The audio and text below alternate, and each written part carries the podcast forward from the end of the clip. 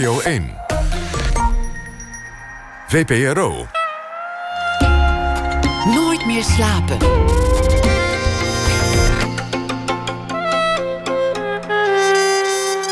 Met Elvie Tromp.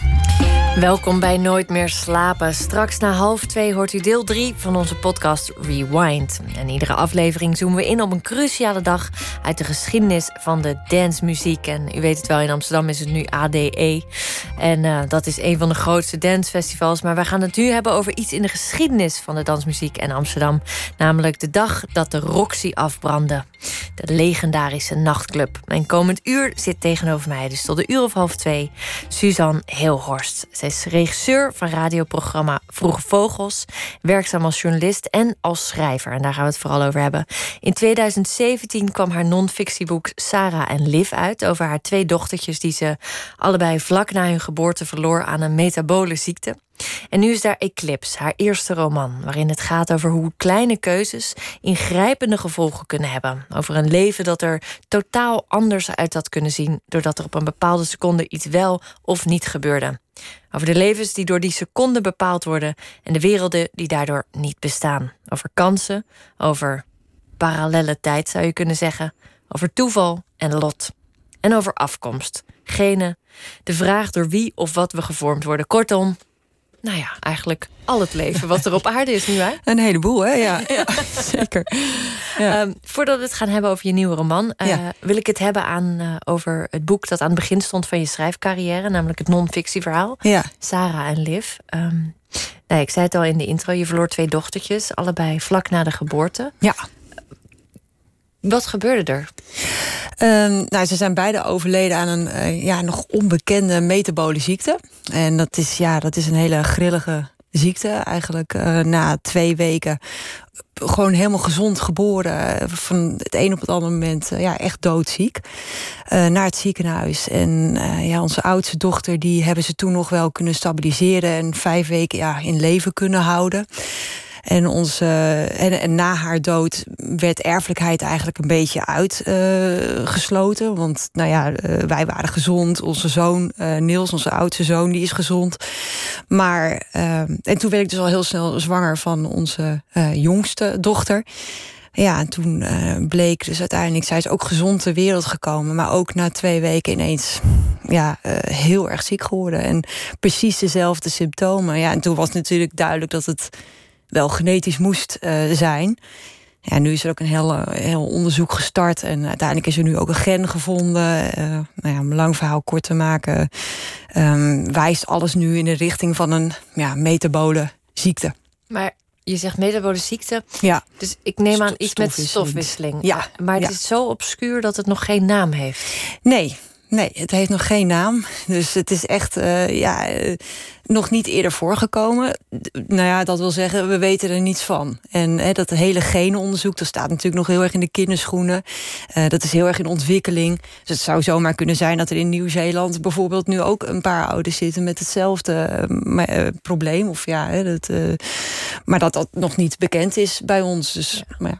Is dit nou zoiets wat valt onder de term wiegedood? Dus kindjes die gezond dat zou geboren kunnen. en ja, heel zonder, veel... zonder onverklaarbare redenen sterven? Ja, heel veel metabole ziekten. Um, uh, ja, de, nou ja, de artsen hebben in ieder geval wel tegen ons gezegd... als wij een paar uur later waren geweest... als wij dus uh, even hadden gewacht... nou, misschien is hij niet helemaal lekker... het zal wel loslopen, we wachten nog een paar uur... dan had het, uh, ja, dan had het zomaar wiegedood kunnen zijn. Want zo snel ging het. Het is echt binnen een paar uur... gewoon heel erg verkeerd gegaan. En Dat, wil niet zeggen dat alle wiegedood ook een, een metabole ziekte is natuurlijk. Maar um, er wordt wel gedacht dat veel metabole ziekten uh, ja, de oorzaak zijn van wiegedood. Ja. Je bent ook ambassadeur voor de stichting MetaKids. Ja, wat, klopt. Wat is dat voor stichting? Ja, MetaKids zet zich in voor uh, metabole ziekten. Uh, en om daar meer uh, gehoor aan te geven, maar ook vooral onderzoek. En dat is heel belangrijk, want metabole ziekten zijn gewoon... Ja, het is, um, het is doodsoorzaak nummer één onder kinderen in, in Nederland. En dat weten heel veel mensen niet. Dan, kinderen hebben echt baby's, hè, zuigelingen? Nee, nee. Ook echt kinderen ja, tot en met 18 jaar. Is dit echt iets wat je kan overkomen op je 16e? Ja, absoluut. Ja, zeker. Ja. ja, je hebt heel veel verschillende soorten uh, metabole ziekten. Hè. Dat ja, is natuurlijk glutenallergie of zo. Ja, maar dat is, um, uh, dat is echt wel iets heel anders. Uh, metabole ziekten zijn echt uh, ziekten die je stofwisseling dusdanig in, in de war brengen dat, ja, dat, dat, dat je functies gewoon uitvallen. Dus dat je, ja, of je nieren doen het niet meer, je hart doet het. En dat is ook het probleem. Het, het uitzicht eigenlijk in allerlei vormen. Dus er zijn echt heel veel verschillende vormen waarin een metabole ziekte zich kan, kan uiten. En dat maakt het ook zo ingewikkeld om, het, om het te bundelen nou, daar, zijn, daar is Metakids bijvoorbeeld heel goed mee bezig. En daar zet ik me ook heel erg voor in.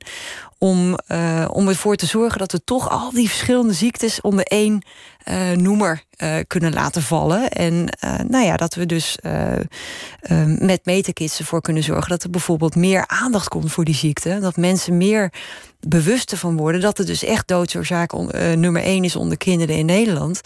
En dat daar dus ook geld voor moet komen om ja, voor onderzoek. Want het is zo belangrijk. Um, ja, dat merk ik dus ook aan mijn eh, eigen kinderen. Uh, en dat, het feit dat zij zijn overleden, ik denk niet dat ik dat had kunnen, dat, dat we dat hadden kunnen voorkomen op een heel kort termijn met, met onderzoek. Maar misschien over 30 jaar uh, kunnen we ervoor zorgen dat met z'n allen dat ja, kinderen hier niet meer aan hoeven te overlijden. Dat ze er misschien ja, medicatie voor kunnen krijgen. Um, het, het behandeld kan worden. Het is echt een hele, hele nare uh, ziekte. Het, uitzicht bij onze kinderen dus in, een, uh, in, in kerngezonde kinderen binnen een paar uur doodziek. Uh, dood zelfs. tot en met kinderen die eerst cognitief heel erg achteruit gaan, verlamd raken, zwaar gehandicapt raken. Ja, dat, ja, dat is gewoon hartverscheurend als je, als je die verhalen hoort en, en, en ziet. Maar je zegt het is doodsoorzaak nummer één. En hoe komt het dan toch dat ik daar niks over hoor en niks van weet? Nou, Wat is dat? Is dat zou je dit een taboe kunnen noemen? Nou, nee, ik denk niet dat er een, zozeer een taboe uh, rust op, op metabole ziekten. Maar het is gewoon nog heel erg onbekend. En net zoals uh, kanker was natuurlijk een aantal jaren geleden um, ook, ook nog niet echt bekend. Er werd over gesproken als het K-woord. En ja. dat, dat, daar had je het niet echt over. Nou, ik denk dat dat met metabole ziekte precies hetzelfde is. En daar komt ook bij kijken dat bijvoorbeeld kanker, um, um, natuurlijk, uh, hem, wij kennen dat allemaal ook uit onze directe omgeving. Um, we kennen allemaal wel helaas iemand die ziek is geworden uh, op volwassen leeftijd. Het is een ziekte die je uh, kunt krijgen als je volwassen bent. Stofwissingsziektes, metabolenziekten, die krijg je op het moment uh, dat je een kind bent. En, en, en, dat is, dan haal je vaak niet uh, je achttiende, uh, je wordt vaak gewoon niet volwassen.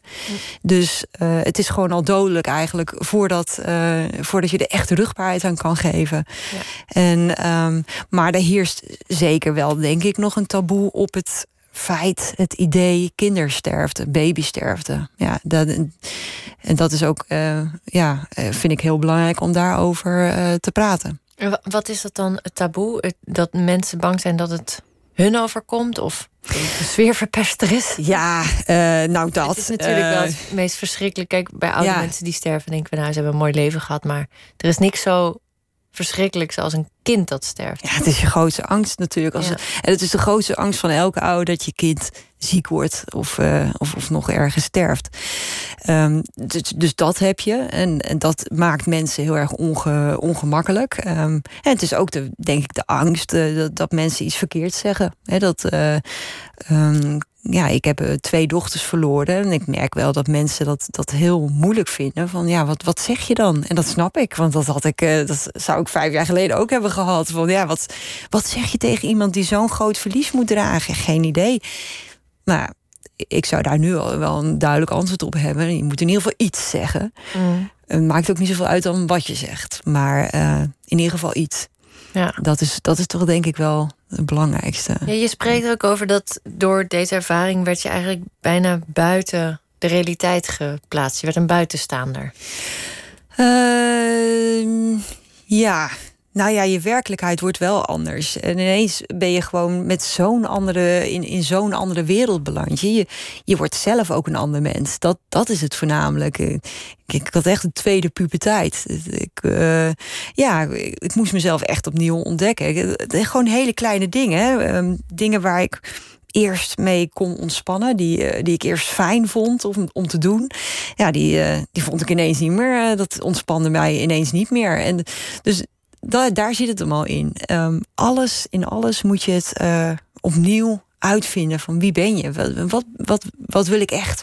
Wie ben ik eigenlijk? En wat vind ik belangrijk? Uh, dus het, het, het zet je gewoon eigenlijk, nou ja, dus spreekwoordelijk natuurlijk, het zet je leven op, op zijn kop. Ja.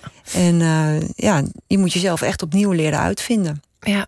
Ik kan me ook wel voorstellen, want je hebt nu nog een gezonde. Nou ja, je hebt nog een zoon. Uh, ja, die is nu acht, uh, toch? Zeven. Zeven. Ja. Um, kerngezond.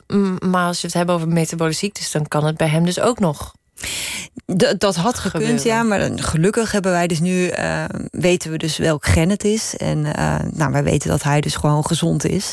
Ja. En, um, en dat is een heel ingewikkeld verhaal. Hè, dat hele genen verhaal. Maar je geeft altijd twee foute genen... of uh, twee genen door. En wij hebben allebei onze foute gen aan onze twee dochters gegeven. En onze zoon die heeft dat niet. Dus dat is ook wel een geruststelling. Dat, Zou preventie dan ook niet een heel goed onderdeel zijn. Nou, dat je dat de ouders preventief ja, zo'n DNA-onderzoek. En dat is ook iets waar MetaKids zich heel erg uh, voor, voor inzet. Dat, de, nou ja, bijvoorbeeld die hielprik is al een hele belangrijke. Er zijn bijvoorbeeld een heleboel stofwissingsziekten die al behandelbaar zijn. Maar uh, door middel van de hielprik um, um, kunnen ze op tijd, kan je het op tijd zien. En dus ook gewoon een behandeling instarten. En dan kan een kind gewoon volwassen worden en, en zelf kinderen krijgen en gewoon leven leiden. Dat is natuurlijk fantastisch. Ja. Um, preventief, ja, we zijn, nou ja, dat heeft ook weer met onderzoek te maken. We zijn nog heel erg, uh, het staat nog heel erg in de kinderschoenen. En, um, maar goed, dat, dat is allemaal in ontwikkeling. Uh, ja. Preventie zit hem voornamelijk nu in, in onderzoek doen en zorgen dat we meer te weten komen over dit soort ziekten. Ja. Um, je schreef er het boek over, uh, Sarah en Liv. Nu werk je ook voor televisie. Um, je, bent, je hebt journalistiek gestudeerd. Waarom koos je voor de vorm van het boek? Wat maakte het dat je dacht, dit moet een boek worden, niet een documentaire bijvoorbeeld? Ja, ja dat is echt een vraag die ik heel veel heb gehoord. Uh, um, ja, en um, ik moest dit schrijven. En dat, dat heeft een beetje ook te maken. En, ik zei net, een tweede puberteit. Ik, moest, ik ging mezelf echt weer helemaal opnieuw leren kennen. En nou, dan ben ik dus een schrijver. En ik, um, ik, ik wilde altijd al schrijven. Als meisje van vijf uh, zei ik al, vroeg mijn juffrouw van wat wil je later uh, worden? En dan zei ik, nou, uh, en schrijver. Nou, het eerste dat is nog niet gelukt, maar het tweede wel. En ja, ik. Um, toen het, toen het net gebeurd was, toen mijn dochters, nou ja, eigenlijk op het moment dat Sarah nog in het ziekenhuis lag, zij heeft vijf weken lang in Rotterdam gelegen. Um, toen wist ik al, hier moet ik iets mee. Ik, ik moet dit uh, opschrijven. Ik moet, uh, ja, dat, dat is mijn uh, manier. En ik, dat was niet echt een rationeel beslissing. Dat was gewoon iets wat moest. En dus ik heb um, mijn telefoon heel vaak gepakt, allemaal notities gemaakt, korte dingen opgeschreven. Heel erg gelet van wat gebeurt er, maar ook ja, flarden die voorbij kwamen of, of, of fantasieën die ik had uh, terwijl ik daar aan dat ziektebed van haar zat. Ja, dan, je moet je voorstellen, je zit daar um, nou, bijna 24 uur per dag op zo'n intensive care met die, met die piepende monitoren. Het was, het was een soort uh, redding om, om na te gaan denken al over van oké, hoe ga ik dit uh, vormgeven? En ik, ik denk ook, maar dat weet ik niet helemaal zeker, maar um, dat ik voor schrijven heb gekozen omdat het toch minder hard is. En dat, ja, ik weet niet of ik dat goed kan uitleggen, maar um, televisie is natuurlijk wel heel erg. Zo is het. dit is het beeld, dit is het. En um, ja, en, en, toen daar liep ik tegen, ik, um, daar liep ik tegen aan. Want het is meer dan dat. Uh, en dat kon je, dat kan, dat kon ik niet laten zien met behulp van televisiebeelden. Ja, en je kunt natuurlijk ook meer ruimte nemen om je verhaal te vertellen, want het is fictie. Of tenminste, je kunt meer. Ja, nou, dit was natuurlijk. Uh, ja, Sarah en Liv was natuurlijk wel echt wel non-fictie. maar ik heb wel ook echt wel fictionele elementen gebruikt. Dus ik heb wel. Je laat bijvoorbeeld uh, Sarah ook praten uit het perspectief. Nou, en dat had nooit gekund met een, uh, met, met een documentaire bijvoorbeeld. Ehm, terwijl ik ook denk dat je met een documentaire heel veel. Hè, dat je daar heel veel in kan leggen. Maar voor mij was dat. Ja, was dit eigenlijk de beste manier. Het was ook een, uh, ja, geen andere optie eigenlijk. Ja, ik wil een stukje voorlezen. Um, je laat Sarah vertellen uh, tijdens een reanimatie. Ik droomde niet eens, ik zweefde mee met de bladeren in de lucht en stak zo nu en dan mijn hand uit naar een elfje of een bloem. Ik voelde het reanimeren niet, de druk op mijn borst, de naalden in mijn lijf. Ik voelde de angst niet die in de ruimte hing als een ondraaglijke, zware deken. Een ander zou het overleven noemen. Mijn moeder noemde het hoop. Ja, ja. Mooi stukje heb je uitgezocht. ja. Nou, dat is ook wel een heel typerend stukje. Want um, ik heb ook wel echt door Sarah's stem te gebruiken... geprobeerd om die de meest heftige momenten... Hè, de goede lezer die het leest, die zal zien... dat de meest heftige momenten ik vanuit Sarah heb uh, laten vertellen. Omdat... Op een hele troostende manier. Ja, ja, ja. ja. Ja, waarmee. Het is natuurlijk ook de wens van de moeder. Ja, dat het kind niet heeft geleden. Of dat het kind inderdaad in een fijne wereld met elfjes leeft. Ja, het is en blijft natuurlijk mijn stem eigenlijk. En uh, manier waarop ik het graag had uh, zou willen dat het is gegaan. Dat zij dat niet heeft meegemaakt. Dat zij dat niet heeft meegekregen. Dat voor haar gewoon een, inderdaad wat je zegt, een sprookjesachtige wereld was. Dat was het. Ja.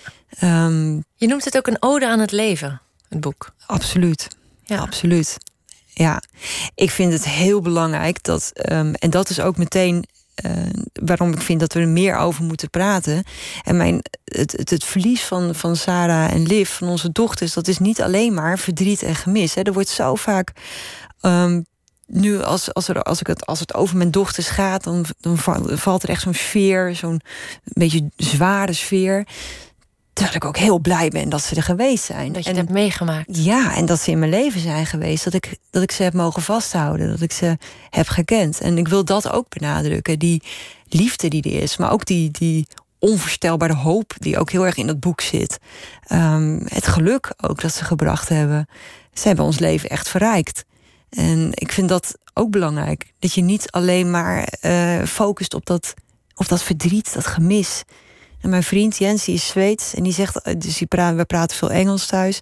En die zegt altijd: They didn't came here to bring sorrow.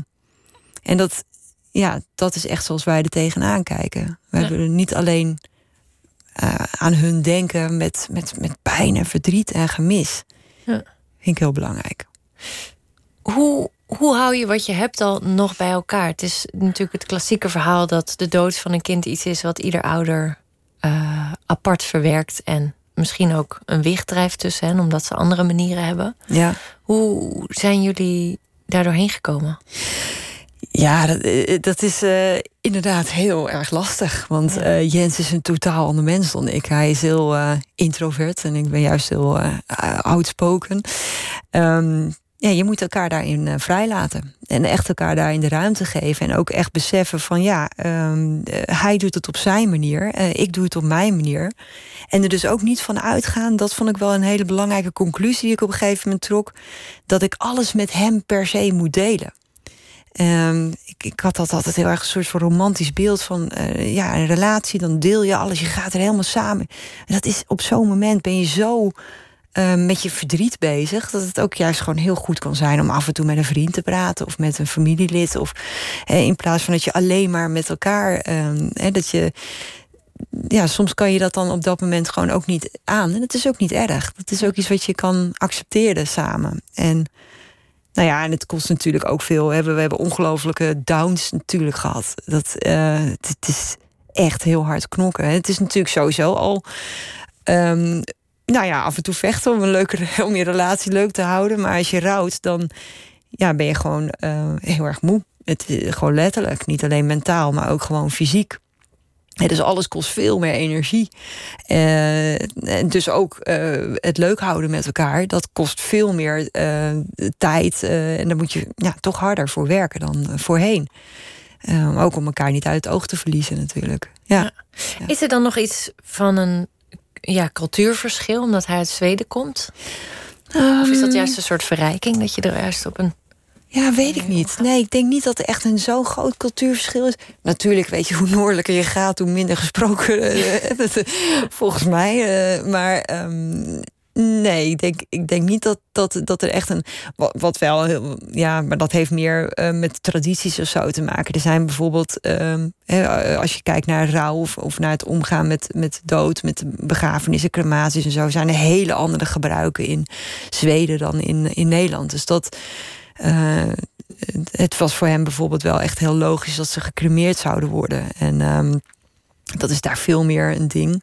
Maar het was voor hem ook heel heftig om te merken dat, um, ja, dat wij bijvoorbeeld wel echt binnen een week iemand uh, eigenlijk begraven of cremeerden. Dat dat wel gangbaar is. Uh, dat, daar schrok hij heel erg van.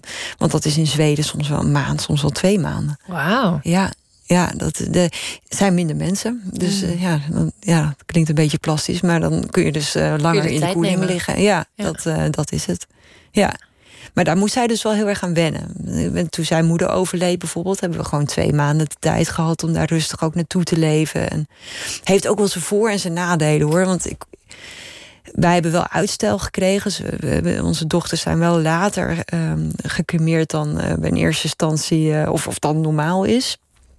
Um, maar op een gegeven moment dan, dan denk je ook van... oké, laat nou maar komen. En dan kunnen we daarna verder ja, ja. Uh, beginnen met ons nieuwe leven, zeg maar. En dus dat, ik weet ook niet of ik dat twee maanden lang had kunnen volhouden. Die, dat, dat, uh, die tijd in between, zeg maar. Tussen het overlijden en de crematie. Ja. Waren er schrijvers, uh, andere schrijvers waar je zelf soelaas bij vond in die periode? Uh, ja, Schaduwkind uh, natuurlijk. Ja, dat, nou, dat, dat is echt een boek dat heb ik gelezen ongeveer een week nadat Sarah was overleden. En ik, ik had een hele dag voor mezelf. Ik, had, uh, ik, was, ik was weggegaan en ik had uh, dat boek meegenomen. En ik, ik heb altijd een pen bij me als ik een boek lees. En dan schrijf ik natuurlijk af en toe een uitroepteken. Of ik onderstreep iets. En nou, dat boek, daar ben ik op een gegeven moment mee gestopt. En ik bleef maar onderstrepen. dus um, maar dat, dat vind ik een prachtig monument van een boek. Um, maar wat mij bijvoorbeeld ook... het boekje Sterven is dood eenvoudig van René Gude Ah, dat, dat, uh, dat is een soort bijbel voor mij geworden bijna. Ik vind een ongelooflijk inspirerende man uh, was het. Um, en ja, ik heb daar heel veel aan gehad. De manier waarop hij in het, uh, in het leven stond en uiteindelijk ook omging met zijn ja, naderende sterven, zeg maar. Um, ja, dat, dat vond ik op dat moment. Dat had natuurlijk helemaal niks met mijn eigen situatie te maken, maar gewoon hij noemde op een gegeven moment ook ergens, zei hij... Ja, je moet het monster in de bek kijken. Um, en uh, dingen als het leven is ook gewoon een gedoetje. Ja, daarmee... Ja, dat, dat, sprak, dat sprak mij heel erg aan, die manier. Een soort nuchterheid. Ja, een soort Nuchtere nuchterheid. dapperheid. Ja, ja, ja, ja. En ik herkende heel veel in wat hij zei. Hij had bijvoorbeeld, zei hij ook... Ja, dan uh, had hij net dus gehoord dat hij dus uh, binnen een paar maanden zou komen te overlijden. En dan de volgende dag zat hij zich alweer druk te maken om de deurklinken. Ja, dat, dat snap ik. ik. Dat had ik ook. Ik stond ook na een paar weken na het overlijden van, van onze jongste Liv... stond ik bij de Efteling. En uh, allemaal van die stonden in de rij te wachten en zo. Allemaal van die bananen of, of de bonuskaart die je dan vergeten hebt. Of maar ja, ik, dat zijn wel de dingen die ook het leven maken. En um, je bent niet ineens uh, dat, dat je dat ontstijgt of zo. Of dat je dan denkt van, oh ja, daar maak ik me niet meer druk over. Nee, dat doe je wel en dat hoort er ook bij. En dat is ook mooi, dat maakt ook het leven. Ja. Al die kleine dingetjes bij elkaar. Ja. Ergens in een interview zei je: uh, dit, dit verdriet heeft me dichter bij mezelf gebracht. Ik ben meer mezelf geworden. Ik ben namelijk gaan schrijven. Ja. Um, ja, dan is de vraag die ik natuurlijk niet mag stellen: uh, was je gaan schrijven als dit je niet was overkomen? Ja, dat is een hele goeie. Dat weet ik niet. Dat, nee. um, dat, weet, ik, dat weet ik echt niet. En uh, ik bleef, ik was natuurlijk altijd aan het schrijven. Dus ik heb nooit, ik, ik was heel erg aan het schrijven toen ik uh, eind uh, tienertijd, dus 19, 20, 21, tot en met mijn 25. Ik heb heel veel geschreven. En ik heb ook uh, daarna ging ik in de televisiewereld werken. Nou ja, toen kwam het al een beetje, um, werd het al wat, uh, ja, wat minder makkelijk om, om, om veel te schrijven. Want dat slok je toch ook een beetje op. Maar toch ook dan blijven schrijven. Veel dagboeken, heel veel reizen gemaakt. Ook tijdens die reizen veel geschreven. Um, dus het is niet zo, zozeer dat, dat ik er ooit mee gestopt ben. Um, maar ja, het is inderdaad de vraag had ik, uh, ja, zou ik zijn gaan schrijven of niet? Ja, dat, dat weet je niet. Dat weet je niet. Nee. Misschien wel, ik denk het wel. Ik je had een goed lopende carrière bij, uh, bij televisie, heb je ook nog steeds. Maar die wordt nu wel nou ja, verdrongen of misschien wel langzaam vervangen door het schrijverschap? Nee, nee, zeker niet. Nee, niet vervangen. Nee, ik, um, het is allebei een manier van verhalen vertellen. Uh, de, het een op een totaal manier dan de andere natuurlijk. Um, ik vind die combinatie wel uh, heel fijn. Eh, maar wat ik wel wil, wat ik hoop, is dat ik op een gegeven moment naar een situatie toe kan dat ik een half jaar. En nu is het zo dat ik vier maanden per jaar kan schrijven en de overige maanden uh, ja, werken bij de televisie. Um, en wat ik uiteindelijk hoop is dat dat 50-50 wordt. Um, schrijven is wel echt een soort eerste levensbehoefte voor mij geworden. Dus het echt iets wat ik nodig heb. dus dat wil ik, daar wil ik ook wel tijd voor ja, krijgen. En nou ja, het schrijven van een boek is gewoon, ja, dat is tijdrovend. Um, ja, uiteindelijk hoop ik 50-50 te bereiken. Ja. ja. ja. Oké, we gaan heel even uit voor het nieuws. Uh, maar we gaan straks verder hier in gesprek met Suzanne Heelhorst.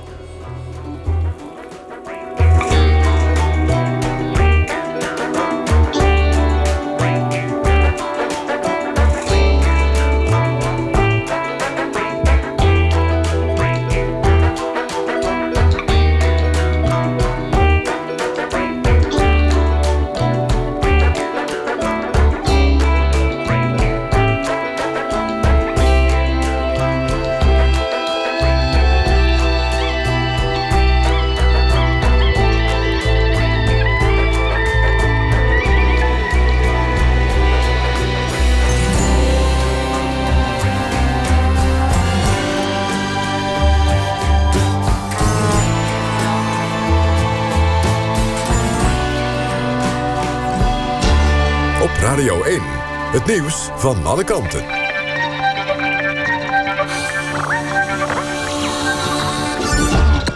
NPO. 1 uur, Ewout de Jong met het NOS-journaal. Saoedi-Arabië heeft de dood van journalist Jamal Khashoggi bevestigd. In verband met zijn dood zijn 18 mensen gearresteerd... zegt de Saoedische openbaar aanklager. De journalist verdween op 2 oktober... bij een bezoek aan het Saoedische consulaat in de Turkse stad Istanbul. Volgens de aanklager is Khashoggi gedood bij een gevecht in het consulaat.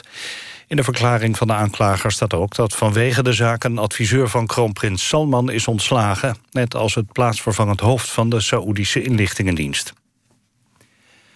Het parlement van Macedonië heeft een eerste stap gezet... om de naam van het land te veranderen in Republiek Noord-Macedonië. Met de wijziging moet een eind komen aan een conflict met buurland Griekenland. Dat begon al in 1991, toen Macedonië zich afscheidde van Joegoslavië. Griekenland claimt de naam omdat het een gelijknamige regio heeft. Het conflict gaat ook over de vraag welk land Alexander de Grote kan claimen... die koning was van Macedonië in de klassieke oudheid. Door het besluit van het parlement kan Macedonië nu lid worden van de NAVO en de EU.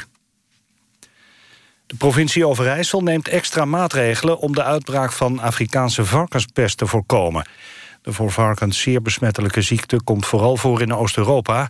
maar rukt op naar Nederland. De Afrikaanse varkenspest wordt vooral door wilde zwijnen overgedragen.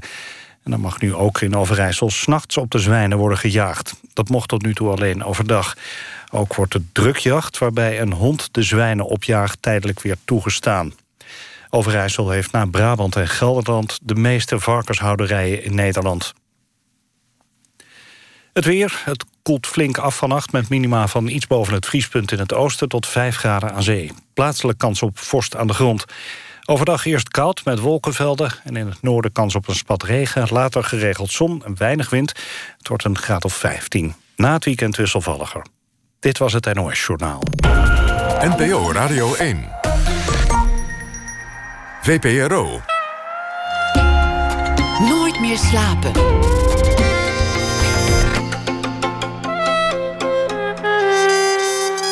Met Elvie Tromp. Welkom terug bij Nooit meer slapen. En tegenover mij zit nog steeds Suzanne Heelhorst, schrijver van het boek Eclipse en so Sarah en Liv. En daar hebben we het net over gehad, over de twee dochtertjes die zij uh, vlak na hun geboorte uh, verloor aan een metabole ziekte. En we hebben het over gehad dat daar nog heel veel onderzoek naar moet uh, gedaan worden. En veel meer, ja, eigenlijk nog het begin van het DNA-onderzoek en de mogelijkheden die daar liggen. Ja. Um, als je dat overkomt, uh, zoiets verschrikkelijks twee keer, um, dan kan het niet anders dat je gaat denken in wat als. Ja. Wat als ik eerder die DNA-test had gedaan? Wat als ik misschien eerder naar het ziekenhuis was geweest? Wat als? Um, en bij die wat als vraag, daar begon ook het schrijfproces van je nieuwe roman, begreep ik. Eclipse, ja. je eerste fictie, uh, roman. Ja. Eh, klopt dat wat ik zeg? Dat klopt, absoluut. Dat ja, als, zeker. Ik, dat wordt een soort, denk ik, tweede natuur ook. Als, uh... Ja, en vooral omdat die wat als in ons geval ook nog eens een keer echt een hele bizarre wat als is. Ik heb uh, Jens, uh, mijn vriend, met wie ik dus die combi van, nou ja, foute genen vorm, zeg maar. Die heb ik tien jaar geleden ontmoet op een, in Honduras op reis. En ik heb hem ontmoet op een boot. Um, en eigenlijk was het de bedoeling dat ik een boot eerder zou nemen een dag eerder. Waardoor ik uh, pech met een bus had gekregen, uh, miste ik uh, die boot. En in de volgende zat dus Jens. Dat is een beetje dat gedichtje van Schippers, T voor Toe. en daar heb ik dus, ja, nou ja, ehm, ik heb me natuurlijk heel vaak afgevraagd... wat zou er zijn gebeurd als ik die dag gewoon geen pech met die bus had gehad. Iets heel simpels, iets waar ik toen ook heel erg op zat te vloeken. Dat ik, ik baalde er heel erg van. Die bus die stond wel een paar uur langs die kant van die weg. En daar baalde ik van dat ik die boot niet zou halen. Dat ik een dag miste van mijn vakantie en alles. Um, ja, ik heb me ook wel eens afgevraagd van... Um, hoe zou het dus zijn gelopen als, het, als dat dus niet was gebeurd? En zou dat dan beter zijn geweest? En dan was ons een hoop verdriet ge, bespaard gebleven. Uh, nou, ik kan nu wel concluderen dat ik het echt niet anders had gewild. Want het heeft ons ook wel heel veel mooie dingen opgeleverd. En het heeft ons ook heel veel liefde gegeven. En uh, ja. Geloof je in lotsbestemming? Hoi, dat vind ik een hele moeilijke vraag. Daar kom je bijna niet onderuit als je de wat als vraag stelt. Ja, nou ja, maar of we daar dan ook een antwoord op kunnen geven, dat vind ik een hele lastige. Want aan de ene kant zou ik denken, ja, er zijn een heleboel dingen die ons uh, die gewoon gebeuren. En waar je geen invloed op, uh, op, op kunt uitoefenen. Hè, wat buiten jou omgaat als mens. Um, aan de andere kant uh, denk ik wel dat je invloed op hebt ja, op hoe je dan vervolgens met die gebeurtenissen omgaat. Uh, hoe je daarmee uh, mee deelt.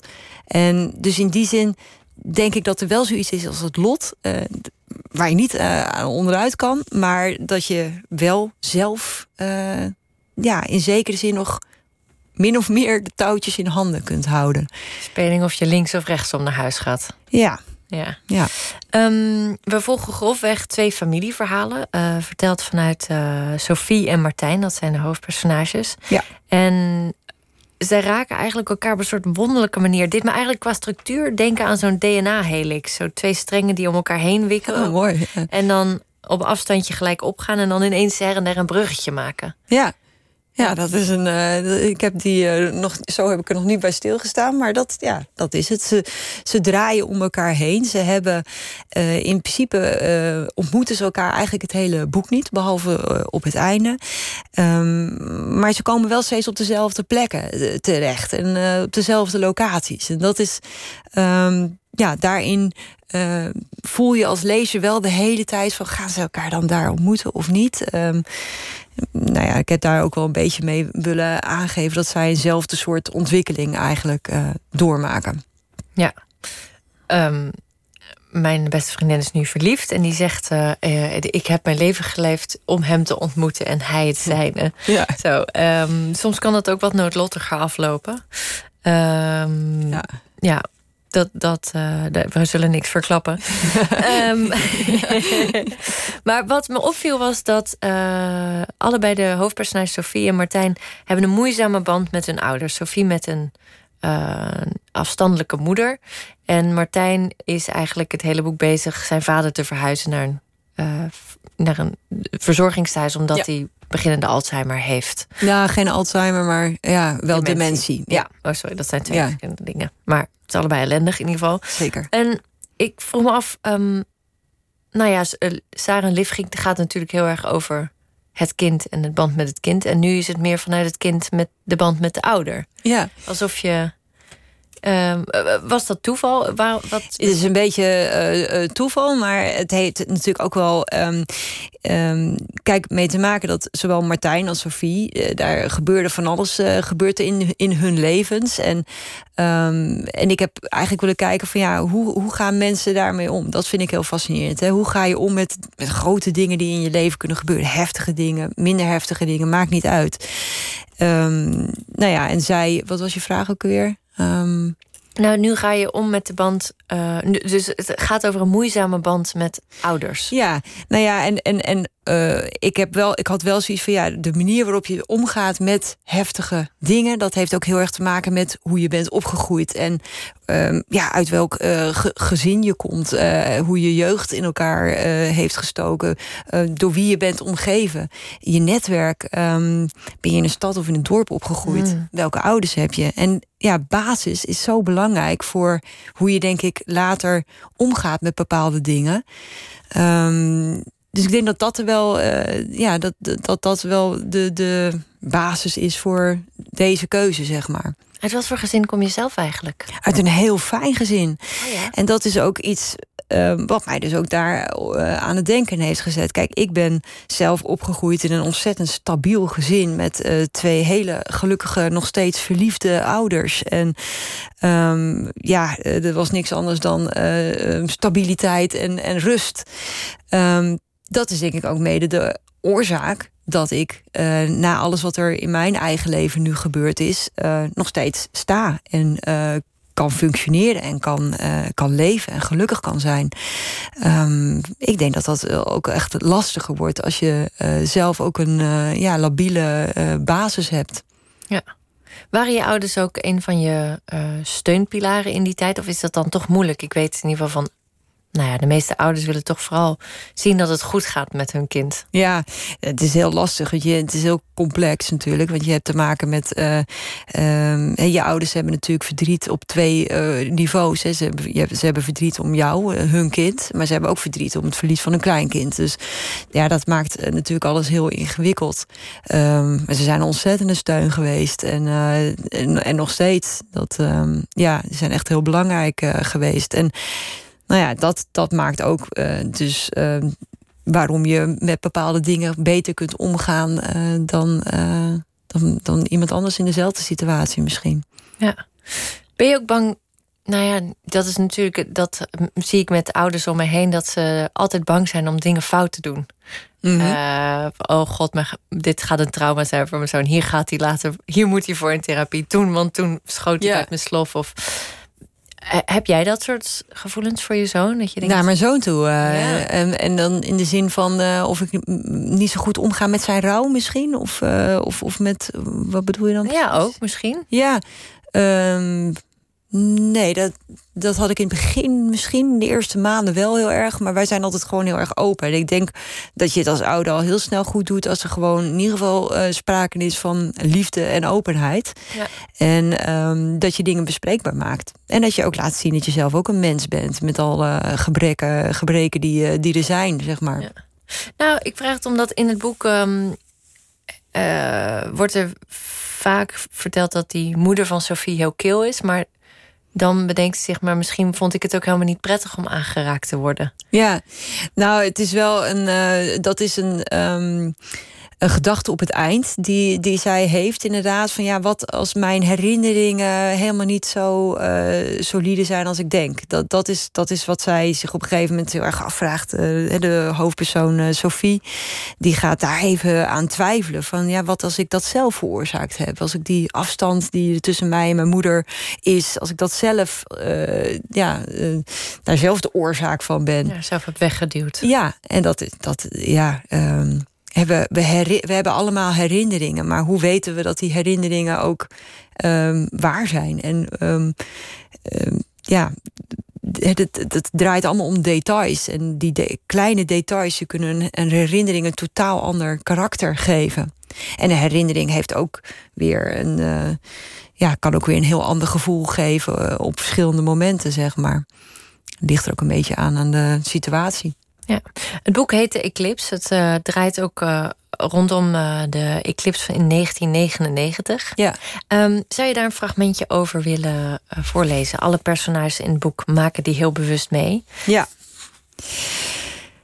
En ineens was het daar, de schemer. Hij gleed apocalyptisch over het strand als de schaduw van een onweerswolk en nam alle kleuren met zich mee. Het werd muisstil. Het gekwetter van de vogels stopte op slag. De honden lagen bevroren in de duinen. De dag was nacht geworden. Verbijsterd staarden de mensen naar boven. Op de plek waar de zon had gestaan bevond zich nu een groot zwart gat. Spottend keek het op ons neer. Om het glad gat vlamde de corona. De schitterende aureool van een getergde zonnegod. Een permanente markering in de lucht. Snel zocht ik mijn moeder, vond haar en aanschouwde hoe de tranen over haar wangen liepen. Mijn vader hield haar stevig vast en prevelde woorden die ik niet kon verstaan. Jezus, fluisterde Femke, weer even helemaal zichzelf. Ruim twee minuten was ik euforisch en bang tegelijk. Ik durfde niet te denken aan wat er zou gebeuren als het mis zou gaan. Als de maan en de zon, om wat voor natuurkundige reden dan ook, zouden besluiten om juist op dit moment tot stilstand te komen. Nou ben ik zo iemand die um, als er iets meteorologisch gebeurt, een eclipse of een zonnewind, ik vergeet dat. Ja. Weet je wel, oh, het was een bloedmaan. Oh, ik lag al echt heel vroeg in bed. Sorry, ik heb het nou, geweest. Een volledige eclipse, dat uh, kan je niet echt uh, vergeten of zo. Dat, uh... Je hebt het meegemaakt, hè? Jij bent, ja. want personages reizen af naar een Kroatië, geloof ik. Nee, een Roemeens, oh, Roemeens ja. stadje, ja, dorpje. Ja, en jij hebt dat ook gedaan. Ja. In 1999. Ja, ook Costinesti. Ben je zo meteorologisch nee, helemaal niet. Of? Nee, ik, nee, ik weet niet. Uh, uh, ik was uh, twintig. Mm. Ik werd in die vakantie werd ik twintig. Um, ja, ja, wij wisten dat er een eclipse zou komen, zonsverduizend. Dat dat speelde dat, in Europa. En um, wij hadden ook al een uh, vakantie in Oost-Europa gepland, ik en een vriendin. En uh, toen hadden we van ja, dan moeten we eigenlijk die lijn opzoeken waar die volledig is. Want dat scheen uh, ja, fantastische zijn. Um, dus toen hebben we gekeken waar is dat dan? En dat was eigenlijk precies op, die, ja, op dat kleine, bij dat kleine dorpje, Cossinesti, bij in de buurt van de stad Constanta. Daar zijn we naartoe gegaan. En daar um, ja, heb ik op het strand uh, die, uh, die volledige clips uh, ervaren. En dat is ja, ongelooflijke ervaring geweest. Dat was echt fantastisch. En je zei, ik ga hier ooit over schrijven. Ja, nee, ik had echt op het moment dat hij uh, in dit geval komt dus de, met een zonsverduistering schuift de maan voor de zon. Um, dan wordt het dus echt helemaal donker. Hè? Dus mensen hebben hier in Nederland hebben ze het ook meegemaakt, maar dan half. Hè? Dan wordt het niet uh, volledig donker. En dit was echt drie minuten complete schemering.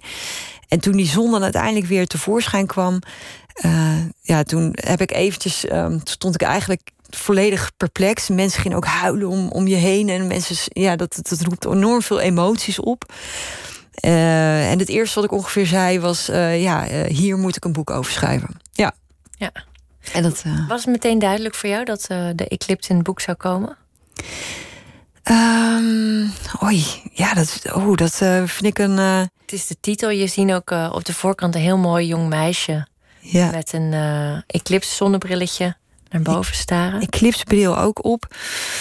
Ik, ik weet het niet eigenlijk. Het is ook een beetje ontstaan in, dit, um, um, in het hele proces. Kijk, ik wilde een boek schrijven over over uh, het feit dat er dus dingen in je leven kunnen gebeuren en hoe ga je daar dan mee om? Uh, dingen waar je geen controle over hebt, geen controle op hebt, die totaal buiten je omgaan. Net zoals een, een natuurfenomeen. Net zoals een eclipse. En dat is want wat ik heel erg heb ervaren op het moment dat die zon weg was en we daar in die, in die kou stonden, was: ja, hier heb ik gewoon geen. geen dit is, gaat buiten mij om. Ik ben machteloos. En als mens is dat, een, is dat heel heftig om dat te ervaren. En dat, uh, dat, dat roept heel veel emoties op. Angst, maar ook wel blijdschap. Want het moment dat hij weer tevoorschijn komt, dat is echt ongelooflijk.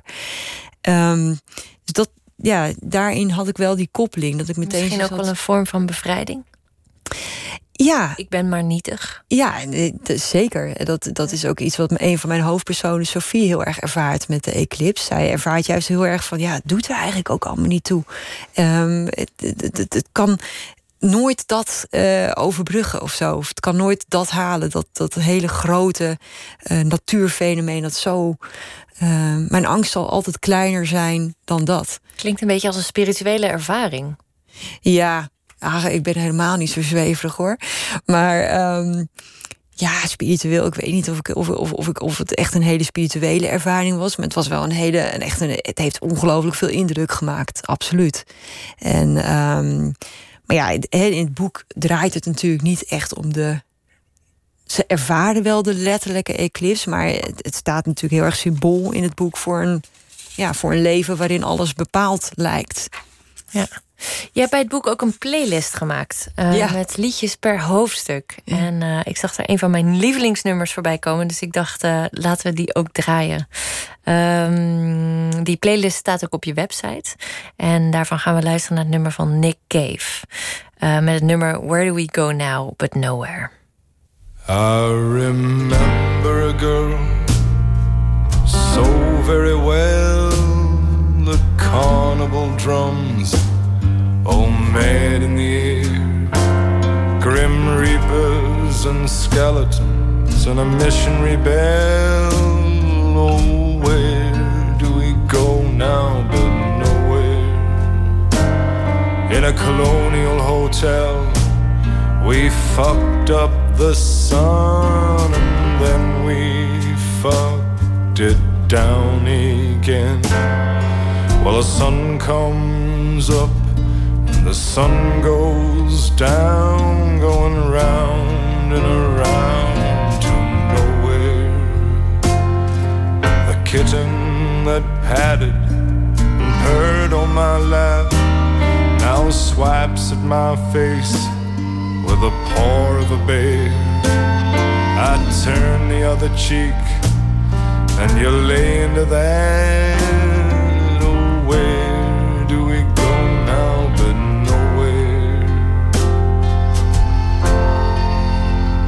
Oh, wake up, my love,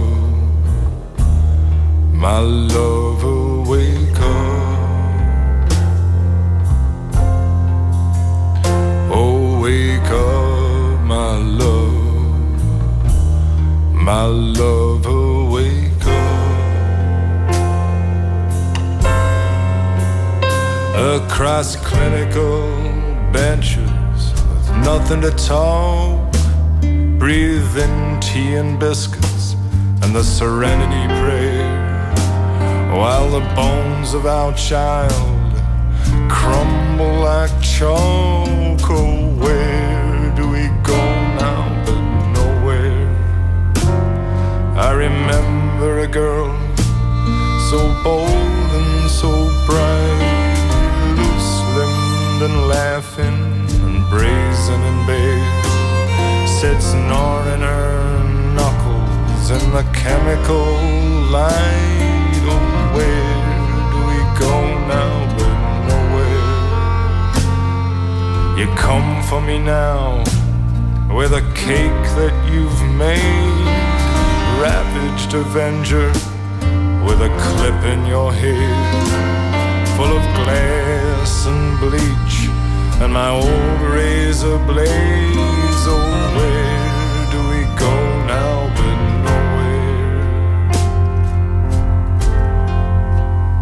Oh, wake up, my love, my love, oh, wake up. Oh, wake up, my love, my love, oh,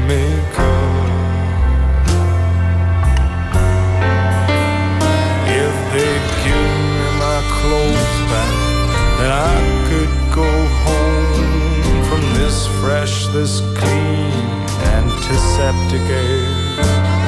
Behind the locked gates, an old donkey moans.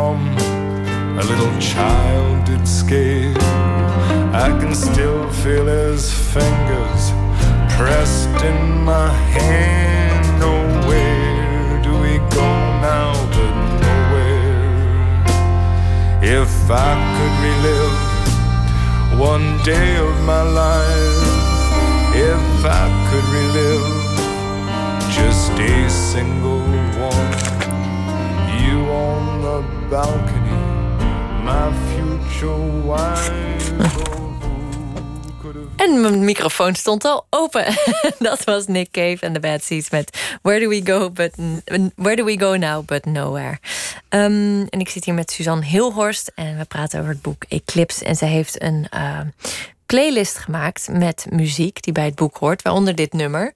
Ehm, kan ik hieruit concluderen dat je een muziekfanaat bent, liefhebber? Ja, absoluut. Ja, muziek is heel belangrijk eh, geweest en, en nog steeds. Ja, eh, ik heb eigenlijk elke periode van mijn leven wel verschillende eh, muzieksoorten of, of, of verschillende nummers. Ik ben wel heel breed hoor daarin. Dus ik, het is niet zo dat ik één genre heel erg.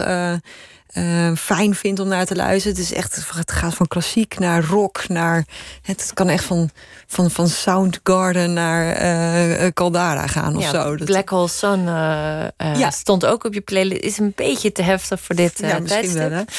Hè? Ehm, maar ehm, eh, wa- Wat- wat, ondersteunt deze playlist? Raad je de lezer ook aan van... ga naar mijn website terwijl je aan het lezen bent en zet hem op? Dat zou ik misschien niet doen, maar het is meer dat als eh, mensen het boek gelezen hebben, dat ze dan naar de website kunnen en dan terug kunnen bladeren. Er staat een, eh, een nummer en daarachter staat een paginanummer. Eh of dus eh, het nummer van, ehm, eh, van de. Ja, van de muziek. En dan daarachter een, een paginanummer. En daar ehm, ja, refereert het aan. En dan kan dat, kunnen mensen daar naar luisteren. En dan hebben ze het boek al gelezen. Ze weten al van oké, dit, dit speelt er ongeveer in dat hoofdstuk. En dan, eh, het is wel ook een interactieve lijst. Dus eh, ik nodig ook mensen uit om eh, zelf met ideeën te komen. Als ze bijvoorbeeld een, een nummer missen in deze playlist, dan kunnen ze dat mailen. En dan, nou ja, dan ga ik kijken of ik dat kan aanpassen. Nee, ik heb zelf wel tijdens het schrijven ook bepaalde nummers gehad eh, waar ik dan heel erg. Ja, wat, wat, wat ik heet het op repeat eh, had. En ehm, ja, dat, dus ik vond het leuk om dit te doen. En je doet ook eens een keer weer wat anders, zeg maar. Ja, is, is dit een van die nummers die op repeat stond? Eh, ja, Nick Cave stond wel vaak eh, op, op, op eh, repeat.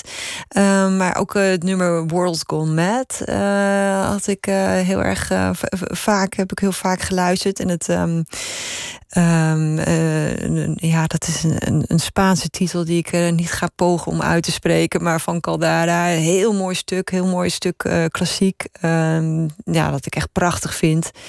Eh, dus het, dat, het is niet zo dat ik tijdens het schrijven naar muziek luister. Dat kan ik echt niet. Ik, dat, het is of ik luister naar muziek of ik schrijf. Dat, ik vind dat echt heel magisch om dat te horen. Dat sommige schrijvers dan op de achtergrond eh, prachtige muziek eh, draaien. Dat, nee, ik zit echt zo in dusdanig in een bubbel dat ik dat te veel zou hebben. afleiden. Ja. ja.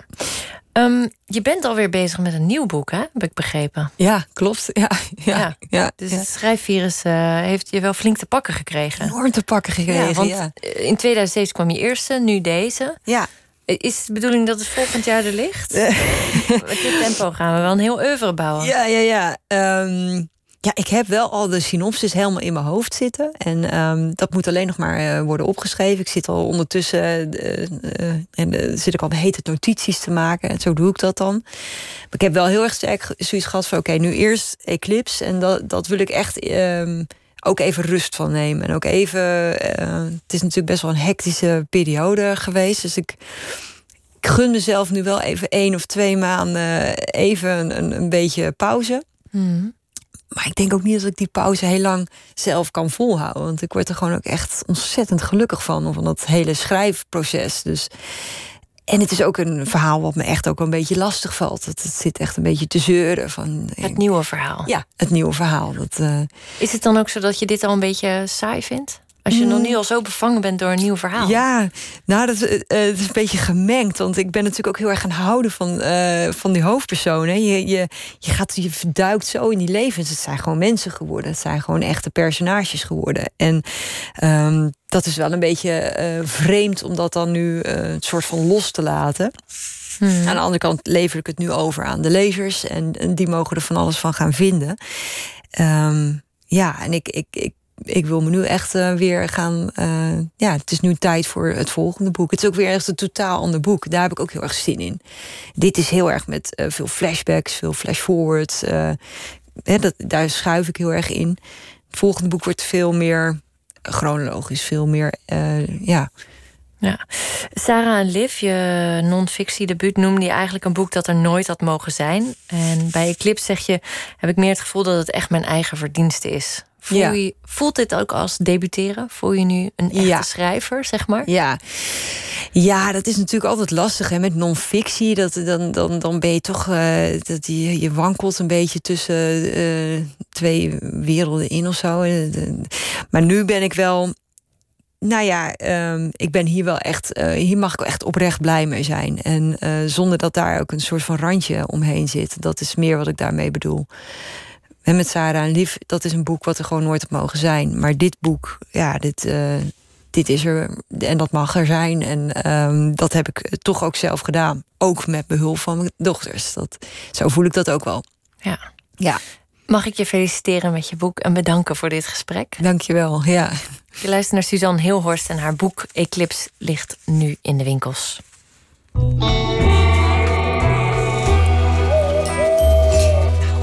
Door met muziek hier. Uit Canada komt Bad Bad Not Good. Een instrumentale band die doorgaans veel met rappers samenwerkt, zoals Kendrick Lamar. En het Zweedse Little Dragon maakt hipster dance muziek. Twee totaal verschillende bands. En toch nemen die twee bands samen deze single op. Tried.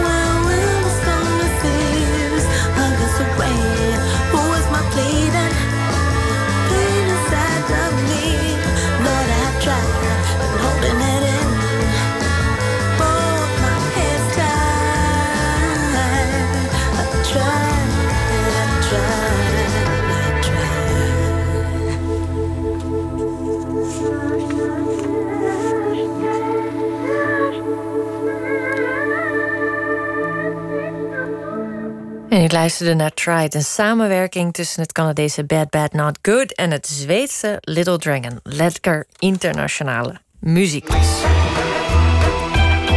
Nooit meer slapen. In de podcast Rewind zoomen we in op een cruciale dag uit de geschiedenis van de Nederlandse dancemuziek. En deze week het derde deel over de Roxy. En om precies te zijn over de dag dat Pieter Gielen, Peter Gielen moet ik zeggen, de oprichter, begraven werd.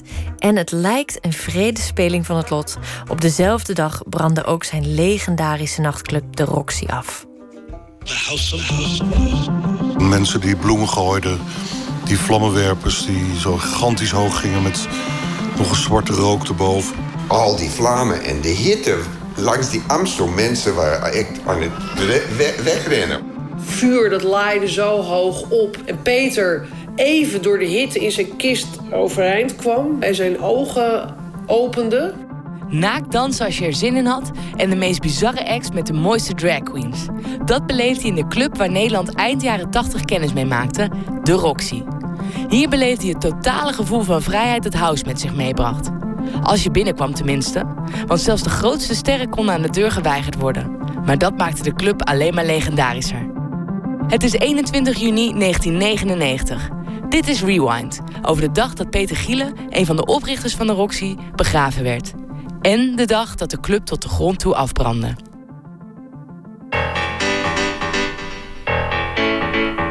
Woensdag is Peter Gielen echt overlijden van de Roxy. Woensdagavond was mijn avond, was de hard gay night. Dit is Steve Malenka, een Amerikaan die in Amsterdam beland is en vanaf begin jaren 90 de bekende gayavonden in de Roxy organiseert. In woensdag, die, in de jaren 99, op een woensdagavond kwamen minstens 500 betalende klanten. Het was echt een rage geworden. Iedereen went naar de Roxy toe.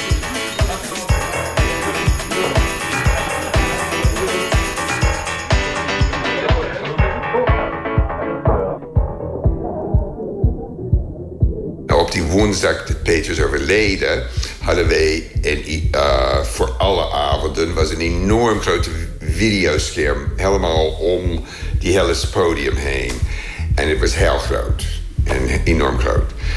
Maar helaas, Peter Gielen is overleden, zo wij konden niet openen. En ik stond voor die deur van de Roxy om mensen te zeggen dat ja, wij, Pieter is overleden en, en ik wij gaan niet openen en bla bla bla. En nou, het was een heel trieste moment. Ines de Jong is 27 als ze voor het eerst de Roxy binnenkomt. Ze ziet een plek vol mogelijkheden.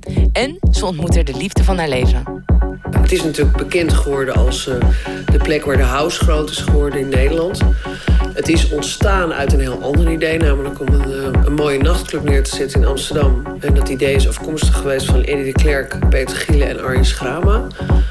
Nou, deze drie hebben elkaar gevonden eh, in dat leegstaande pand aan de Kalverstraat. Dat is een oude bioscoop, gebouwd als theater. Zelfde tijd als Tuschinski, van andere familie, maar wel verwant aan de Tuschinskis volgens mij. Prachtig oude zaal met zo'n eh, hoog eh, gewelf. En nou ja, goed, het idee was, eh, zij, wilden daar een nachtclub beginnen... Met, waar cultuur en kunst elkaar kon ontmoeten met muziek en, en drank natuurlijk erbij. En toen was het klaar. En toen was het niet klaar. Want het, eigenlijk was het, moest open. En het geld was op. Op, op, op. Maar goed, toen stond er wel iets. En de mensen kwamen. Maar eh, het grote succes bleef uit. Eh, er is een interim-directeur gekomen. De, de oorspronkelijke initiatiefnemers zijn allemaal eh, teruggezet om 10% aandelen van een BV. Daarvoor was het een VOF. Ze zijn er eigenlijk alle drie bijna aan failliet en onderdoor gegaan. Ehm, Eddie heeft toen al ingezet op uh, housemuziek, uh, acid house, samen met Joost van Bellen, die er ook een avond deed. Maar dat sloeg helemaal niet aan. Via de garderobe en het glazen halen klimt Joost van Bellen op tot DJ. En uiteindelijk wordt hij zelfs artistiek directeur van de club. Ik heb biertjes naar mijn hoofd gesmeten gekregen vanwege house draaien. Uh, of mensen die gingen zwemmen op de vloer. Uh, zo van wat een kutmuziek. Uh, personeel dat in staking ging omdat ze bang waren dat ze hun baan kwijt zouden raken. Omdat er niemand meer kwam. Ik heb nog meegemaakt dat, het, dat je er echt een kanon kan afschieten, zo stil was het. Terwijl het dus wel prachtig was allemaal binnen. En opeens uh, kwamen al die types met hun fluitjes en hoofddoekjes en weet ik veel. En toen uh, was, het, was het bal.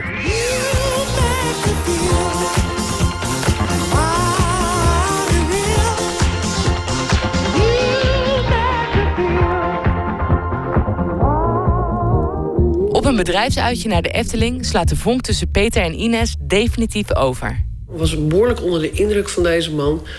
Maar ja, hij is acht jaar ouder, was acht jaar ouder dan ik. En had al een heel, ja, een heel uh, leven achter zich. Ik was pas 27, ik kwam net kijken, voor mijn gevoel. Nou goed, wij hebben elkaar op dat, op personeelsfeestje in de Efteling ontmoet prachtige plek natuurlijk om de prins van je dromen op het witte paard. Waar hij stond met een, een wapperend wit overhemd op een grote piratenschommel, familieschommel. Toen raakte aan de praten. We zijn eigenlijk nooit meer gestopt met praten. En we hadden alle twee een ecstasytje op. Dat zal ook gescheeld hebben. Nou ja, dat was het begin uh, van ons. En eigenlijk heeft toen Peter, is toen Peter teruggekeerd naar de Roxy... om eigenlijk zijn, zijn werk af te maken daar. Dat ging namelijk inmiddels gewoon goed. Er werd geld verdiend. Uiteindelijk vertrekken Peter en Ines bij de Roxy. Ze zijn de strubbelingen met de directie zat en hebben vooral zin in iets nieuws. Een plek waar je kan dansen, maar ook goed kunt eten. Ze openen een restaurant, niet ver bij de Roxy vandaan. Iedereen stond echt rijkhalsend daar naar uit te kijken. Um, want dat was toch echt iets nieuws. Als Peter en ik iets gingen doen, daar waren mensen toch wel echt nieuwsgierig naar. Dus er kwamen ook heel veel journalisten op af. Die wilden natuurlijk weten wat we daar gingen doen. En Peter heeft heel veel interviews gegeven. Ik heb veel interviews gegeven. We gingen open. En zeven weken later uh, kreeg Peter een uh, scooterongeluk. Dat goed mis was met Giel en dat hij coma lag... dat hoorde ik volgens mij in de Roxy op de dag dat het gebeurd was. Uh, hij was op zijn brommer ergens naartoe gegaan en hij was al niet zo goed in autorijden. Hij heeft nooit zijn rijexamen gehaald omdat hij veel te veel afgeleid was. Misschien is dat ook gebeurd met het brommerrijden. Ik weet het eigenlijk niet precies, maar dat, uh, dat hoorden we. Dat hij in coma lag. En dat het niet goed ging. En toen op een moment dat het nog slechter ging... en dat de familie had besloten dat de stekkers eruit moesten. Ja, treun is al om. En een grote schok voor heel veel mensen. Heel, voor heel Amsterdam eigenlijk. Omdat een, iemand was die de, de stad veranderde. Motor achter zoveel. Uh, Peter Gielen was uh, uh, kunstenaar in hart en nieren, maar ook dichter. Hij was. ik heb eigenlijk zelden iemand mee, nou, nog nooit iemand gekend die zo enthousiast over dingen kon zijn en zo aanpakker was. Van dat gaan we doen. Hij zag geen grenzen, hij zag geen problemen. En in zijn kielzog had hij daardoor, daardoor heel veel andere kunstenaars. En, en hij wist ook allerlei mensen uit andere uh, contraien daarbij te halen. Zoals uh, um, modewereld, pers, uh, schrijvers. Noem maar op, de hele, hele creatieve bubs. En, en hij was iemand met met spieren, een aanpakker, een rouwdouwer... Die, die ook van breken hield, van dingen afbreken en opnieuw opbouwen. En lag in zijn kist met een breekijzer. Peter Gielen wordt vijf dagen later begraven. Op 21 juni 1999.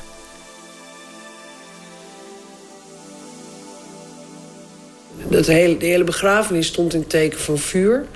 Peters motto was het ene vuur aan het andere ontsteken, wordt het altijd vertaald. Het is ab ignem, igne capere is hè, zijn begrafenis. Er stond, uh, was een, een ab igne, igne capere stond boven de, de, uh, de overlijdingsadvertentie. Uh, hij had een gedicht geschreven voor de Roxy, De Vuren fel. Dat was in een grote koperen plaat gegraveerd en hing onder de kassa. Er was nog een overlijdingsadvertentie, ging ook over vuur. De begrafenis was met vuur van Erik Hobijn, het Dante-orgel. Uh, twee enorme vuurspuwers op een vlot voor de kist uit. In de Roxy stond de eh, vuurklok van Erik Hobijn. Uh, we hebben een plan gemaakt om dus vanuit het restaurant uh, Peter daar op te baren in een open kist. Erg belangrijk voor mij, voor de nabijheid. Ik bedoel, uh, afscheid nemen doe je van iemand en niet van een kist. Dus, en hij was jong en hij was eigenlijk bijna ongeschonden. Dus uh, hij kon uh, prima in die open kist liggen. Het heeft geloof ik wel mensen gechoqueerd. Vooral elders in het land, omdat het later op televisie te zien was... en mensen helemaal de context natuurlijk niet begrepen. Maar goed, um, dus Peter die werd vanuit het mortuarium naar mijn restaurant gebracht... op de ochtend van de 21 juni, de langste dag van het jaar. We deden in, in de Roxy altijd op de langste dag van het jaar een decor met zoveel licht dat iedereen een zonnebril op moest uh, zetten. We hadden zelf een kist getimmerd van zogenaamd Gileplex. Dat is een heel dik multiplex waar Peter bij voorkeur mee bouwde. Omdat hij eigenlijk wel heel veel inzicht had in ruimte... maar nooit zo heel veel zin had om heel ingewikkelde constructies te maken. En hier kan je gewoon heel snel en heel goed mee bouwen. Het is ook heel duur en heel zwaar. Maar goed, die kist was... Uh, paarsblauw. En ik had dan gezorgd voor allemaal nagels, van die stoelnagels. Uh, en dan kon iedereen naar eigen inzicht een nagel op die kist uh, spijkeren... of een, een, naam erop spijkeren of wat dan ook. Dat kwam eigenlijk voort omdat Peter en ik ooit in de Roxy... een hele wand met duizenden, duizenden nagels hadden gespijkerd. En daarin stonden ook onze namen met een hart eromheen. Maar dat ging natuurlijk... Het was, ja, het was een soort hemelgewelf met... met uh, stoelnagels als sterren. Maar goed. Dus iedereen mocht wat, uh, was, was aan timmeren bij mij. En er was eten en er was muziek en er waren bloemen. En het ging dus van zonsopgang tot in de middag. En mensen konden daar uh, om de kist heen zitten. En je kon daar uh, koperen nagels in die kist timmeren. Dus het enige wat je daar hoorde was de hele tijd... tok, tok, tok, tok, tok, tok, tok, tok. Ik zal het nooit meer vergeten. Dat was wel heel indrukwekkend. En toen was de dag van de begrafenis... werd de kist uit het raam uh, gehezen... zoals het in Amsterdam gaat met verhuizingen... op die rubberboot gelegd. Um, en ik zat, Sonja Oudendijk zat naast mij. Sonja Oudendijk was uh, ex-vriendin van Peter... maar uh, was in die loop van de jaren dat Peter en ik samen waren... Uh, ook zeer goed bevriend met ons beiden... En uh, nou, ik vond het eigenlijk altijd dat hij altijd een soort van tweede vrouw had in Sonja. En dus die zat met mij op het schip. En uh, toen ontstak Erik Hobijn zijn Dante-orgel. Nou, het verschroeide gewoon je wenkbrauwen, zo heet was dat vuur. Enorme hoog vlammen, ik geloof wel 10, 12 meter hoog. Ik weet niet, 6 is ook al hoog, maar goed, het was heel hoog heel intense hitte. Was er al die vlammen en de hitte langs die Amstel. Mensen waren echt aan het we wegrennen. Want het was echt, je voelde die hitte van midden in de Amstel op de zaai. Het zo heet was het. Hè? Nou, ging door naar die um, cemetery, naar die begraafplaats. En dat was ook een, een hysteria, omdat die kast was open. En ze hebben hem naar, daar gebracht. Er waren drie, drie, 400, 500 mensen misschien. Uiteindelijk kwamen we dan om, drie uur, half vier bij Zorgvliet aan. Uh, daar stond een andere kunstenaar, Peter Zegveld, met een, uh, met een kanon. Een theaterkanon. Met om saluutschoten te brengen. Erik Obijn zit er ook nog een tandje bij. Dus er ging nog een keer, uh, werd het Dante-orgel bespeeld. En het vuur dat laaide zo hoog op... dat mensen echt achteruit deinsden. En Peter even door de hitte in zijn kist overeind kwam, leek te komen en zijn ogen opende.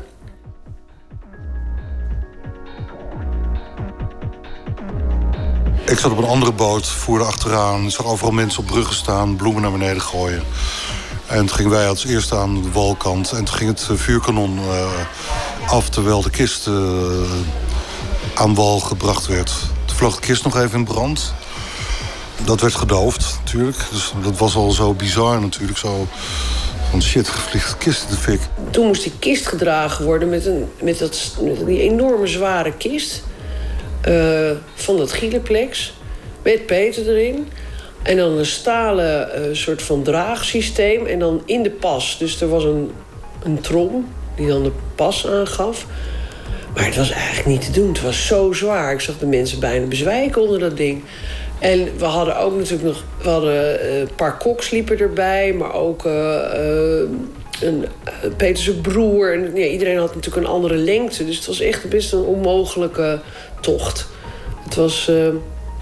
ze haalden het maar net. Toen werd uh, naar het kist naar het, het graf gedragen. Het, een gat in de grond. Dat bleek niet breed genoeg te zijn voor de kist. Moest die kist weer, uh, die moest dus weer naast het graf worden neergezet. En toen hebben we hem weer opengemaakt. Peter had, zoals je misschien nog herinnert, een breekijzer bij zich. En uh, toen heb ik dat breekijzer uit zijn handen genomen... en heb ik de stutten van het graf weggehaald. Zodat het wel zou passen. Alleen die stutten zitten natuurlijk ook niet voor niks. Dus toen we weer op de rand stonden met die loodzware kist... Toen is nog een van de portiers is het graf ingelazerd... omdat de zijkant van de grond instortte met de kist bovenop hem. Terwijl een van de stadsdichters stond te orakelen aan de kant. het was een grote uh, soort trip, een soort hele, hele, rare film. Bijna komisch soms, maar ook, uh, ook uh, zo bizar dat je je hart vast, vasthield. Toen terug naar de Roxy, want wat hadden we nou bedacht? We dachten in de Roxy gaan we, gaan we echt afscheid nemen... in de zin van dat mensen nog iets kunnen zeggen. Dus er waren toespraken en ik heb op een gegeven moment... samen met Dick Koopman, een hele oude vriend van mij...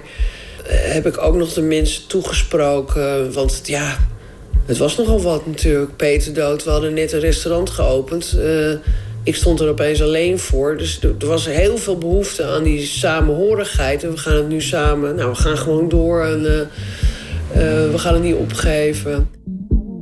Ik dacht, ja, ik dacht, ja, wat, pff, ga, maar, wat, ga maar dansen of zo. Ik weet het ook allemaal niet. Nou, ik, heb verder helemaal geen middelen genomen of zo. Maar wel, veel, wel meer dan normaal gedronken. Maar je kan ook heel veel hebben in zo'n uh, zo'n idiote periode. Maar goed, dus ik stond met Ties op de dansvloer en er stonden meer mensen. Het was heel vreemd natuurlijk om daar te staan, maar het, was, het had ook een soort iets iets hoopvols of zo. Ik dacht, godverdorie, we gaan, gewoon, gaan het gewoon doen. En ja, de hele impact van dat, dat je je geliefde kwijt bent, dat, dit hele de echte pijn en het besef en de rouw, dat komt allemaal veel later. In de eerste week ben je zo krankzinnig druk met het organiseren van zo'n begrafenis en zo'n afscheid. En toen. Uh, volgens mij greep Joost de microfoon en zei dat we allemaal de, eruit moesten. En hij zei niet wat. Wat er, was, uh, wat er gaande was. Dus ik dacht, nou, dit hadden we toch niet gepland. We zouden tot zonsondergang doorgaan en dat was het nog niet. Joost van Bellen is de ceremoniemeester die avond in de Roxy. Heeft een programma vol speeches en eerbetonen samengesteld. En is de DJ die alles aan elkaar draait. Uh, dat was uh, één groot spektakel. En uh, onder andere in, in het programma stond vuurwerk. En uh, daar heb ik toen volmondig ja op gezegd. Dat werd ook aangeboden volgens mij. Omdat we altijd al vuurwerk hadden. En daarvoor had je geen vergunning nodig. Of tenminste, dat wisten we niet. Het was nog de tijd voor uh, de vuurwerkramp in, uh, in Enschede voor uh, het hemeltje dat afbrandde. Die regels waren allemaal, die waren niet zo. Dus we hadden vaker van die spuiters die je ook nu wel eens op een taart ziet. Of in een ordinaire club bij de champagne geleverd wordt. Maar dan heel groot. En die hadden we wel vaker gehad. En uh, die, die, stonden gepland op bepaalde tijden, want er moest de airconditioning uitgezet worden. Want als de airconditioning die vonken zou opzuigen, zou dat mogelijk een kans zijn tot uh, de brand zou ontstaan. En daar was ook heel veel vlaams. Een flamethrower, dat ging elke 20 minuten flames in de zaal gooien. Zo heet was het. Hè? Uh, nou, alles erop en aan, weet drinken, da da da da. En uh, besopen worden, et cetera, et cetera. Gilles' favoriete nummer op dat moment was Tarkan, Kiss Kiss. Een heel feestelijk Turks nummer. Ja, een beetje geil, want Gile hield van seks. Toen ik dat nummer opzette kwam er een iemand in een piemelkostuum het podium op. En in uh, slappe uh, hoedanigheid. Hij was gebogen in, in het pak. tijdens dat nummer ging die penis steeds meer omhoog. Tot die piemel dus keihard stond te trillen op het podium. En had serpentinesprays in die, uh, in die eikel van die penis. En hij spoot die serpentine uit die penis. En dat was een, een eruptie en maar ook, een ontlading. Uh, niet alleen een ontlading van die penis, maar ook een ontlading van die hele dag. Die zo zwaar was geweest. Opeens was het een soort van. En nu is het feest. En toen drukte er iemand terecht op de knop met het vuurwerk.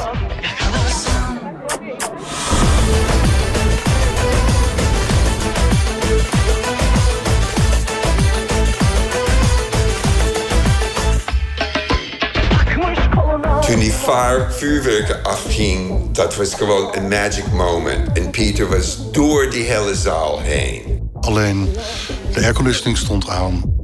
Ik weet dat een van de decorjongens heeft me later verteld dat hij beneden zat en dat hij omhoog keek. Want je kon er zaten allemaal gaten in het plafond.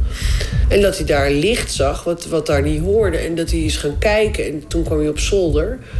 En dat er gewoon al een heel stuk een lichte laaien stond. Toen zag ik uit de uh, ventilatoren van de airconditioning boven zag ik rook komen. En toen kwam de bedrijfsleider naar me toe en die zei... de zolder staat in de fik, je moet nu iedereen eruit krijgen. Ik zeg, dat meen je niet. En hij zegt, dat meen ik wel.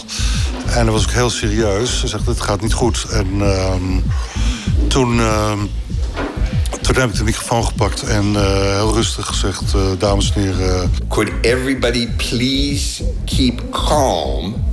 and please move outside to the emergency exit as soon as possible. En dat deed iedereen heel braaf en heel rustig. En uh, klaarblijkelijk dacht iedereen dat het weer een, uh, een, uh, een act was. I remember thinking, please just let us get drunk and forget another show. Outside, what kind of show could they do on the single? Toen ik naar buiten ging, ik draaide rond en ik zag Ines helemaal alleen in de dansvloer met haar handen op haar hoofd. Omdat ik dacht, wat, wat is gebeurd? Wat, is, wat gaat het om? Wat is, wat is fout met Ines? Maar wij moeten naar buiten gaan. En dan, de rest is history.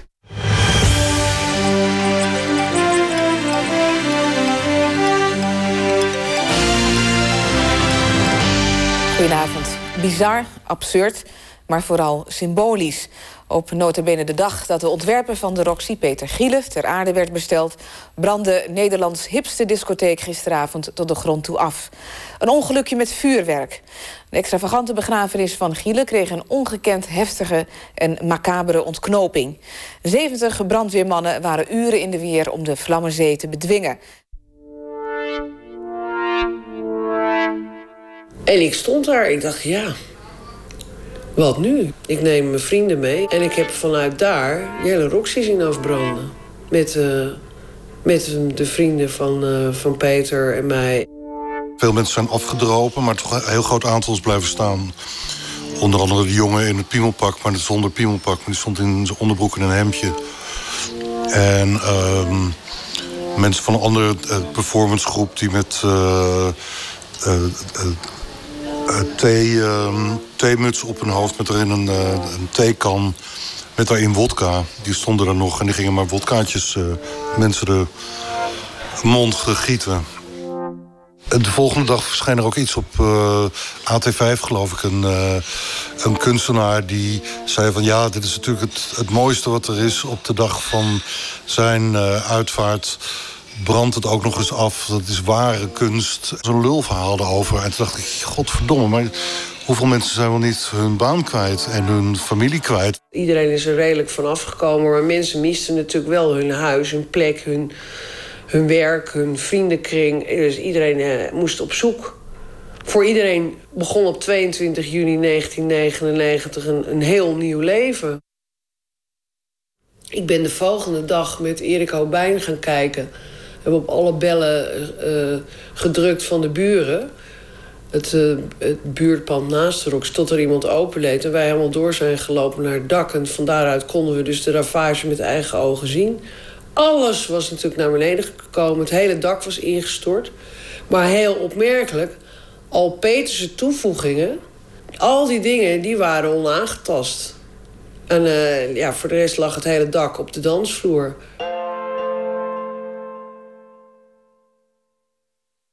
Nee, ik kan niet zeggen dat ik mis. Wat ik mis is die camaraderie vaak. Omdat de wereld is nu keihard. En die idee, wat, wat wij deden in de Roxy was. Ja, wij deden dat puur voor liefde. Ik denk dat, dat het afbranden van de Roxy en het uh, teleurgang van de IT... die twee iconische clubs, die, die waren er niet meer. Het, het was een, uh, eigenlijk een ommezwaai naar de verindustrialisering van dance. Uh, IDT kwam op met was Inner City, Tiesto, uh, grote flyers. Het ging op, opeens ging het over business. Mijn um, verlies was groter dan het verlies van de Roxy. Het, was, um, het na, heeft gewoon bizarre proporties aangenomen, natuurlijk, dat, door dat einde. Het is een, het is een verhaal, een opera waardig, denk ik. Ik wacht op de verfilming. Lijkt me eigenlijk fantastisch. Ja, ik bedoel, als je zo'n verhaal in een, in een boek leest of in een film ziet, dan denk je, nou, beetje ver gezocht allemaal, hè? Je luisterde naar de derde aflevering van Rewind, de podcastserie over cruciale momenten in de Nederlandse dancegeschiedenis. Rewind is een samenwerking tussen 3 voor 12 en Nooit meer slapen. Het wordt gemaakt door Adse de Vrieze, Ralf Herme Huiskamp en Tom Hofland. Voor zover Anne Moraal. In de volgende aflevering van Rewind duiken we in de dag dat de grootste Nederlandse feestorganisator, IDT, voor een astronomisch hoog bedrag verkocht wordt. Volgens sommigen de dag dat de Nederlandse dance echt internationaal gaat. Volgens anderen de dag dat de romantiek verdwijnt. En oh ja, er is ook een tv-programma. 30 jaar Dutch Dance.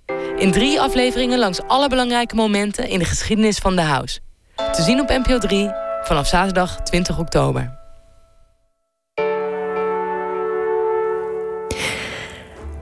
Een groot afscheid in elke zin van het woord. En dan rest mij niets anders dan u nog een fijne nacht te wensen. Tot nooit meer slapen.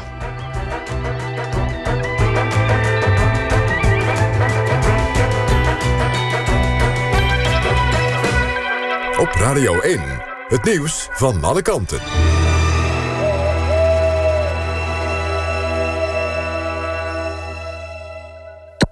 NPO Radio